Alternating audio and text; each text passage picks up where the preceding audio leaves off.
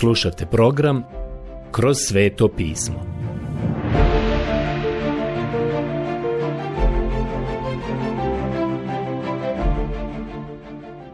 Knjiga Poslanica Filipljanima. Odlomak Poslanica Filipljanima, poglavlje 3, od 2. do 6. stih Dragi prijatelji, sada ćemo razgovarati o najvećoj revoluciji koja se ikada dogodila.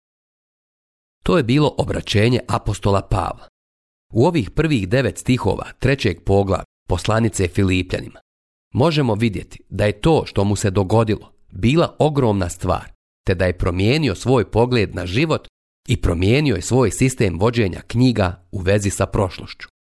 Pavle nam govori na koji način je on posmatrao stvari u svome životu. Sa jedne strane su njegove zasluge i prednosti, šta je na neki način njegov kredit, ono na šta može da računa, a sa druge strane je ono što su njegova zaduženja. Dakle, ono što se dogodilo Pavlu jeste sljedeće. Dok je bio farizej pod judaizmom, imao je toliko stvari koje je praktikovao i ispunjavao, koje je smatrao zaslugama i prednostima, nekom vrstom onoga što je zaradio i na šta je mogao računati. Ukupni iznos je bio prilično velik, bio je tako velik da se Pavle osjećao tako kao da ga sve te stvari preporučuju Bogu. Te su stvari bile njegove zasluge i doživljavao ih je kao neku vrstu kredita koji je imao kod Boga. Na strani zaduženja bio je neko koga je mrzio, a to je bio Isus Krist. Pokušavao je eliminisati sljedbenike Isusa Krista. To je bila dužnička strana. Nakon što je susreo gospoda Isusa na putu za Damask, Pavle je promijenio svoj sistem vođenja knjiga. Ono što je bilo zaduženje postalo je njegov kredit. Ono što je bio kredit postalo je zaduženje. Prijatelji, to je revolucija. Zamislimo sada jednu situaciju. Na primjer, ja sam se prije nekoliko dana vratio sa putovanja na neku konferenciju i onda sam otišao u lokalnu robnu kuću gdje moja žena koristi svoja bračna prava i slobodu tako što tamo u toj robnoj kući koristi kreditnu karticu i tamo ima prilično velik račun. Pretpostavimo da sam ja otišao tamo nakon povratka sa svog putovanja i da sam rekao da želim platiti račun. Dao sam ček, ali knjigovođa mi kaže, nema potrebe gospodine Megi, dok ste vi bili odsutni. Mi smo promijenili sistem vođenja knjiga. Ono što je bilo zaduženje postalo je sada kredit koji možete koristiti a kredit koji ste imali kod nas je postao zaduženje. Ne dugujete nam ništa. Sada mi dugujemo vama. Prijatelji, kada bi ekonomija ove zemlje dozvoljavala da se tako nešto dogodi, ja bih bio milioner i stalno bih dobivao umjesto da dajem. To bi bilo veoma uznemirujuće i vjerovatno bi dovelo do takve inflacije koja bi imala nezagledive posljedice i uzdrmala bi svjetski monetarni sistem. Prijatelj. To bi zasigurno uzdrmalo i uznemirilo čitav svijet. Baš se to dogodilo Pavlu na putu za Damask. Sada će nam on sam reći nešto više o tome. Reći će nam kako se sve to izdešavalo, ali prije toga Pavle kaže još nešto. Čuvajte se tih pasa, čuvajte se tih zlih poslenika, čuvajte se tog osakačenja. Poslanica Filipljanima 3.2 Pavle ovdje kaže sljedeće. Filipljani, ja sada želim razgovarati sa vama i želim vam reći određene stvari. Prije svega želim da se čuvate pasa. Ovo nije riječ koju on upućuje poštaru. Dok sam odrastao, mi smo imali psa, Haskija, i taj pas je mrzio poštara. Ne znam zašto, jer su se poštari veoma često mijenjali dok smo imali tog psa. Prema svakome od poštara pas je imao isti odnos. Dakle, Jesu li ove riječi, čuvajte se pasa, upućene poštaru? Ne. To nije ono o čemu Pavle govori. Kada kaže psi, šta on misli? Ja mislim da možemo dobiti bolji uvid u ovo ako se vratimo na knjigu proroka Izaije, 56. poglavlje 10. stih. Prorok Izaija tamo upozorava ljude protiv lažnih proroka kojih je bilo u njegovo vrijeme. To su oni koji su svo vrijeme pokušavali utješiti ljude umjesto da ih svo vrijeme upozoravaju. To je i danas velika opasnost, jer u našem veoma bogatom društvu udobnost i prijatnost imaju posljednju riječ. Biću veoma iskren sa vama. Kada putujemo, mi smo u životnoj dobi u kojoj volimo odmarati. Tražim udoban motel. Mislim da ne izvoljeva. Ne vjerujem da bih mogao obaviti sve svoje obaveze kada bih sa sobom nosio vreću za spavanje i spavao pored ceste. Jednostavno fizički to ne bih mogao izdržati. Tražim komfor i udobnost. Mislim da svi mi težimo ka tome. Kao rezultat toga, danas u službi postoji opasnost da svo vrijeme samo ohrabrujemo i tješimo vjernike. Sjećam se jednog čovjeka, bio je istaknuti član u crkvi u kojoj sam služio. On je napustio crku, a kao razlog nam je naveo to da ja nikada nisam propovijedao prijatne i ugodne poruke. Ja to tada nisam znao, ali kasnije sam saznao da taj čovjek u svome poslu nije baš uvijek bio etičan.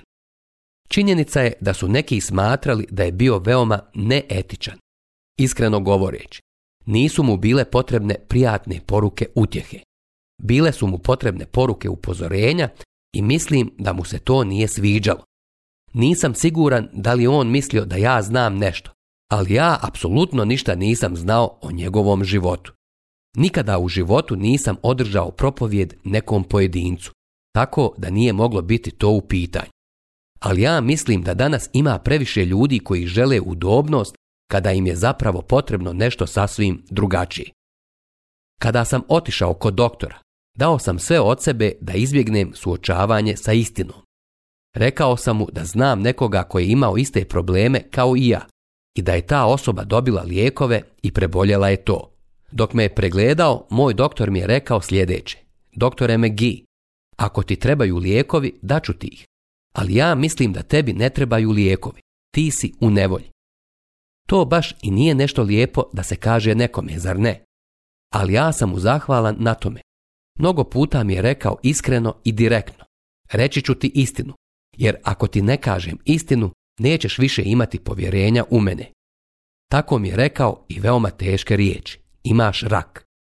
Ja sam mu veoma zahvalan na tome. Želim čuti istinu. Zar i vi isto ne želite čuti istinu? Bilo je jako puno proroka u Izajino vrijeme, lažnih proroka koji su tješili ljude. Zapravo, oni uopšte nisu upozoravali ljude. U knjizi proroka Izaije u 56. poglavlju 10. stihu baš je to način na koji Izaija opisuje lažne proroke. Stražari su njegovi slijepi. Svi oni ne zapažaju ništa. Svi su psi nijemi, ne mogu lajati. Drijemaju i leže i najdraže im je spavati. Nijemi psi. Prorok Izaja lažne proroke upoređuje sa nijemim psima. Da li ste vidjeli psa ovčara? To je pas koji čuva ovce. Ako bi lav ili medvjed ušao u stado, taj pas je bio spreman da laje na njega i da ga otjera. Lavežom bi upozoravao na približavanje bilo kakve opasnosti. Vidite, lažni proroci su spavali, zaspali su. Uopšte nisu upozoravali na opasnost. Izaja nije bio popularan i ljudi su mu govorili. Pusti nas da spavam. To je opasnost i danas. Idemo spavati. Ne samo pod uticajem droge ili alkohola, već i pod pokrivačem bogatstva u kome se nalazimo. Pod idejom udobnosti i prijatnosti. Polako i opušteno. Važno je da svaki dan bude dobar dan. To su stvari kojima danas težimo i rezultat toga je da ne želimo da bilo ko danas laje i upozorava nas na opasne i neprijatne stvari. Dakle, Izaja je lažne proroke nazvao nijemim psima.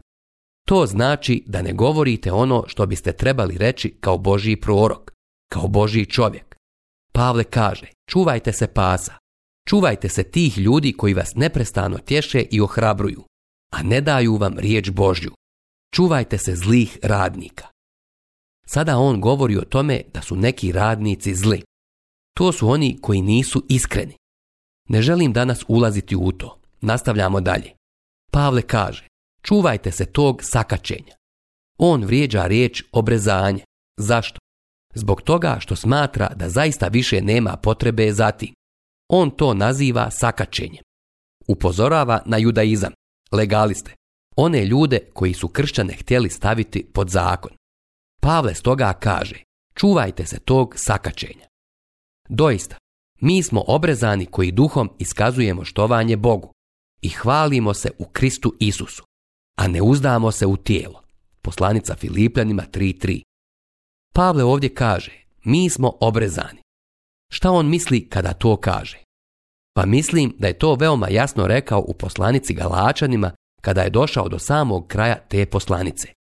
Zaista, u Kristu Isusu niti što pomaže obrezanje, ni neobrezanje, nego novi stvor. Dakle, Pavle kaže, Staro obrezivanje je prošlo. Ono što je važno jeste da li ste u Kristu. I to je pravo obrezanje. Doista, mi smo obrezani koji duhom iskazujemo štovanje Bogu i hvalimo se u Kristu Isusu, a ne uzdamo se u tijelo. Poslanica Filipljanima 3.3 Zar ne vidite šta će neprijatelj sad da kaže? I baš su to govorili. Došli bi i rekli, pa znate, brat Pavle, on kaže da ne smijemo imati pouzdanja u tijelo, ne smijemo vjerovati ritualima, ne smijemo vjerovati žrtvama, ne smijemo vjerovati ni zakonu. Zakon nas neće spasiti i ne smijemo se oslanjati na ove stvari i ne smijemo imati pouzdanja u tijelo. Dobro je što Pavle to kaže jer neki misle da on nema našta da se osloni. On će nam sam odgovoriti na ovaj komentar. Dakle, Pavle prvo kaže ne uzdamo se u tijelo, ali molim vas, poslušajte sada šta on još ima da kaže. Premda bih se i ja mogao uzdati u tijelo. Ako tko drugi misli da se može uzdati u tijelo, ja još više. Pavle kaže, ako postoji iko ko bi mogao imati pouzdanja u tijelo, ja bih mogao imati pouzdanja u tijelo još više. Ako tko drugi misli da se može uzdati u tijelo, ja još više. Poslanica Filipljanima 3.4 Drugim riječima, Pavle ovdje govori sljedeće. Ja sam spreman svoj religiozni život uporediti sa bilo kojim čovjekom. I kada se uporedim sa njim, ja ću imati više toga čime bih mogao da se pohvalim. Apostol Pavle će sada ovdje spomenuti sedam stvari u koje je vjerovao i u koje se pouzdavao, prije nego što je susreo Krista na svom putu za Damask. Molim vas obratite pažnju na ovih sedam stvari koje je on ovdje spomenuo jer zaista mislim da su veoma važne.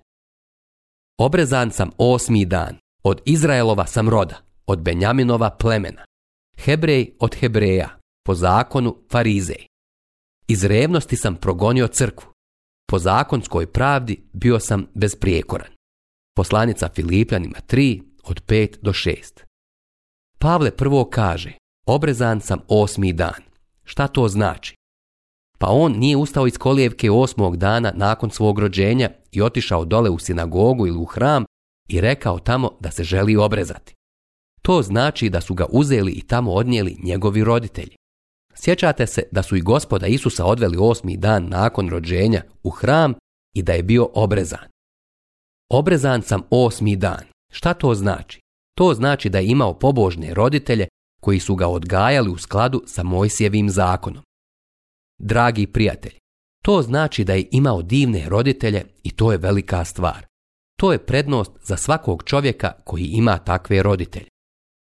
Jedna od onih stvari za koje mislim da su me povrijedile, usporavale i unazadile u mojoj ranoj službi, više nego bilo što drugo jeste činjenica da nisam bio odgojen u kršćanskoj kući.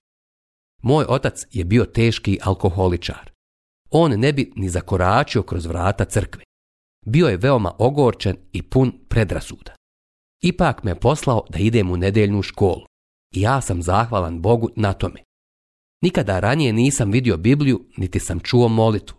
Čak i kada sam otišao na teološki fakultet, ni tada nisam baš najbolje poznavao biblijske knjige. Žalosno i tužno, ali bio sam potpuno neupućen u Bibliju.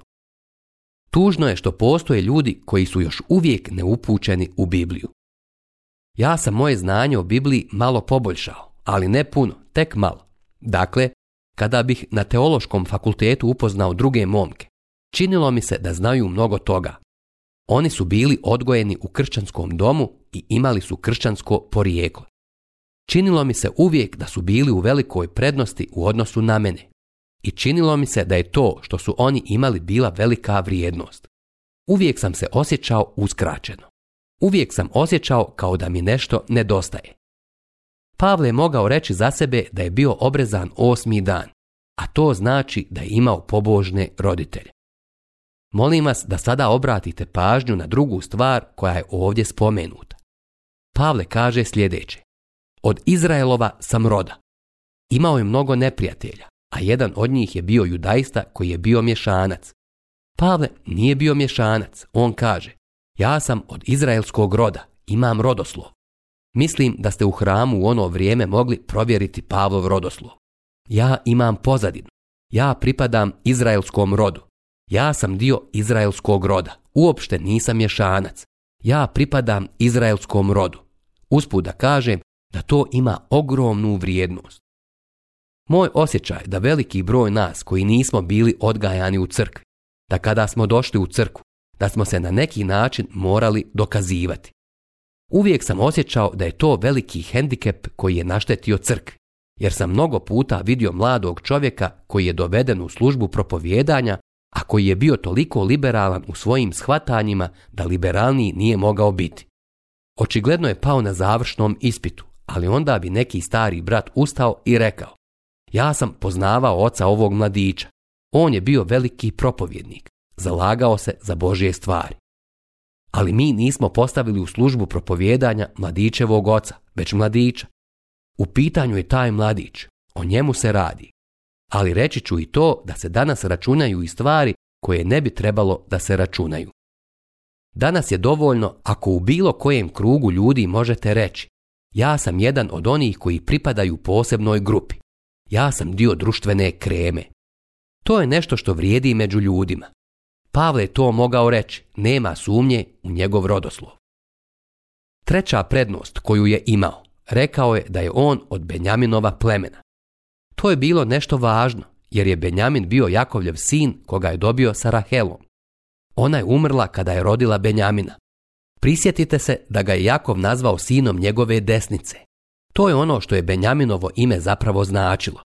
Rahela je rekla da ga nazove sinom moje tuge zbog toga što joj je donio smrt.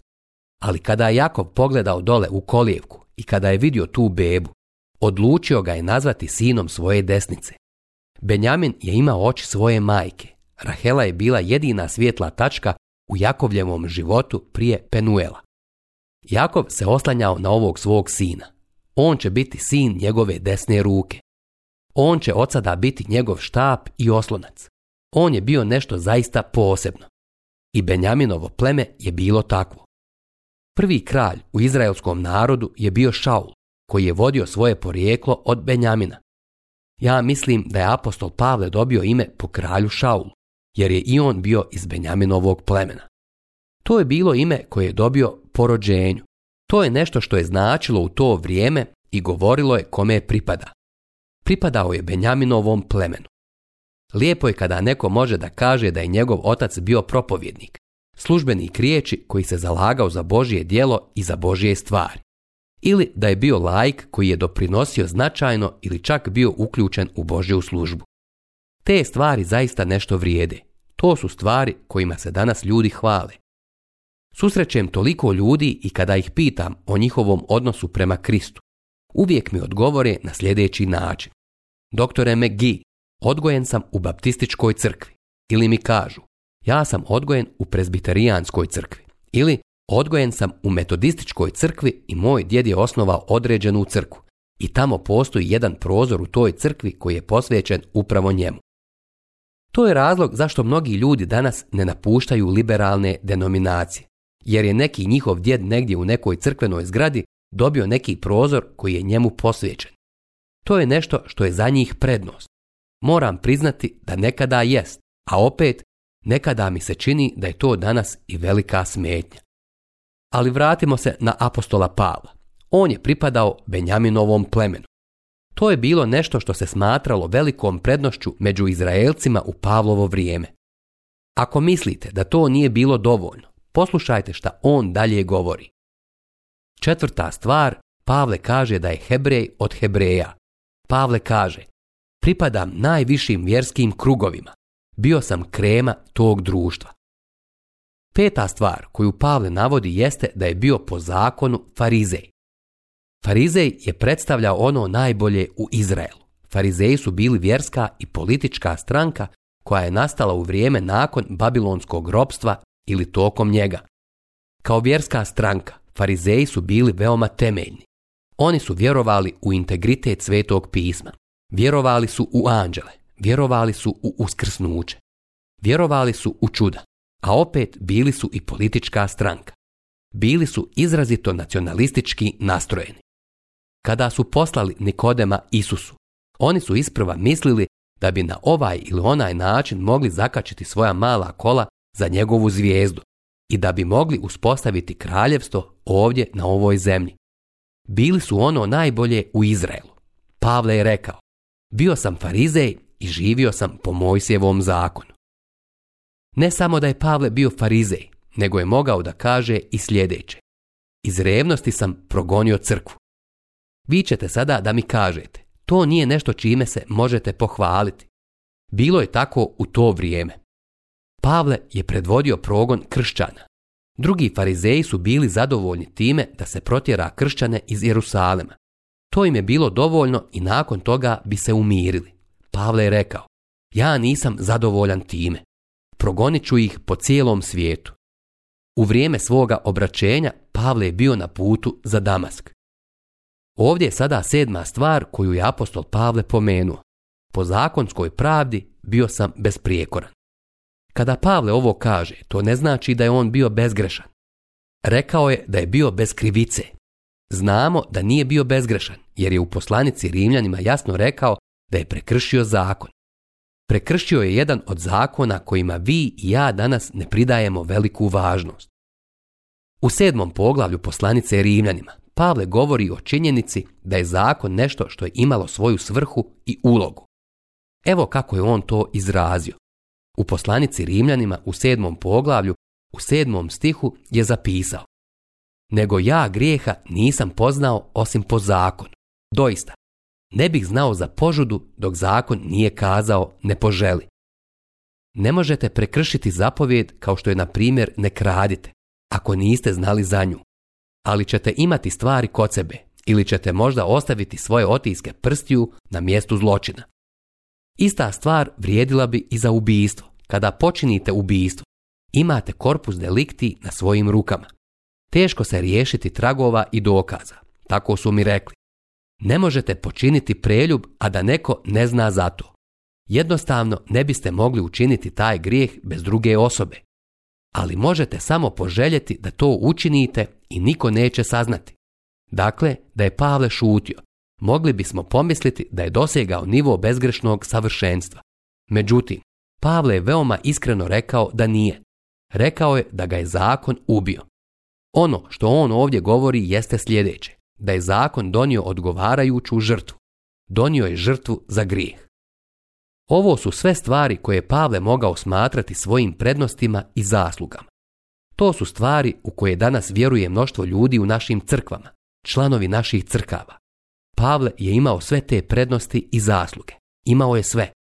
Ali kao što i sam kaže, to ga nije spasilo niti zadovoljilo.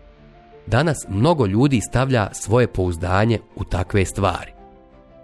Sljedeći put ćemo vidjeti šta se zaista dogodilo s apostolom Pavlom.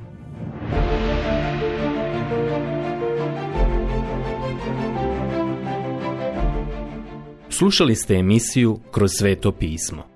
Možete nas slušati i na našem YouTube kanalu putem mobilne aplikacije – te na svim glavnim podcast platformama kao što su Google, Apple i Spotify.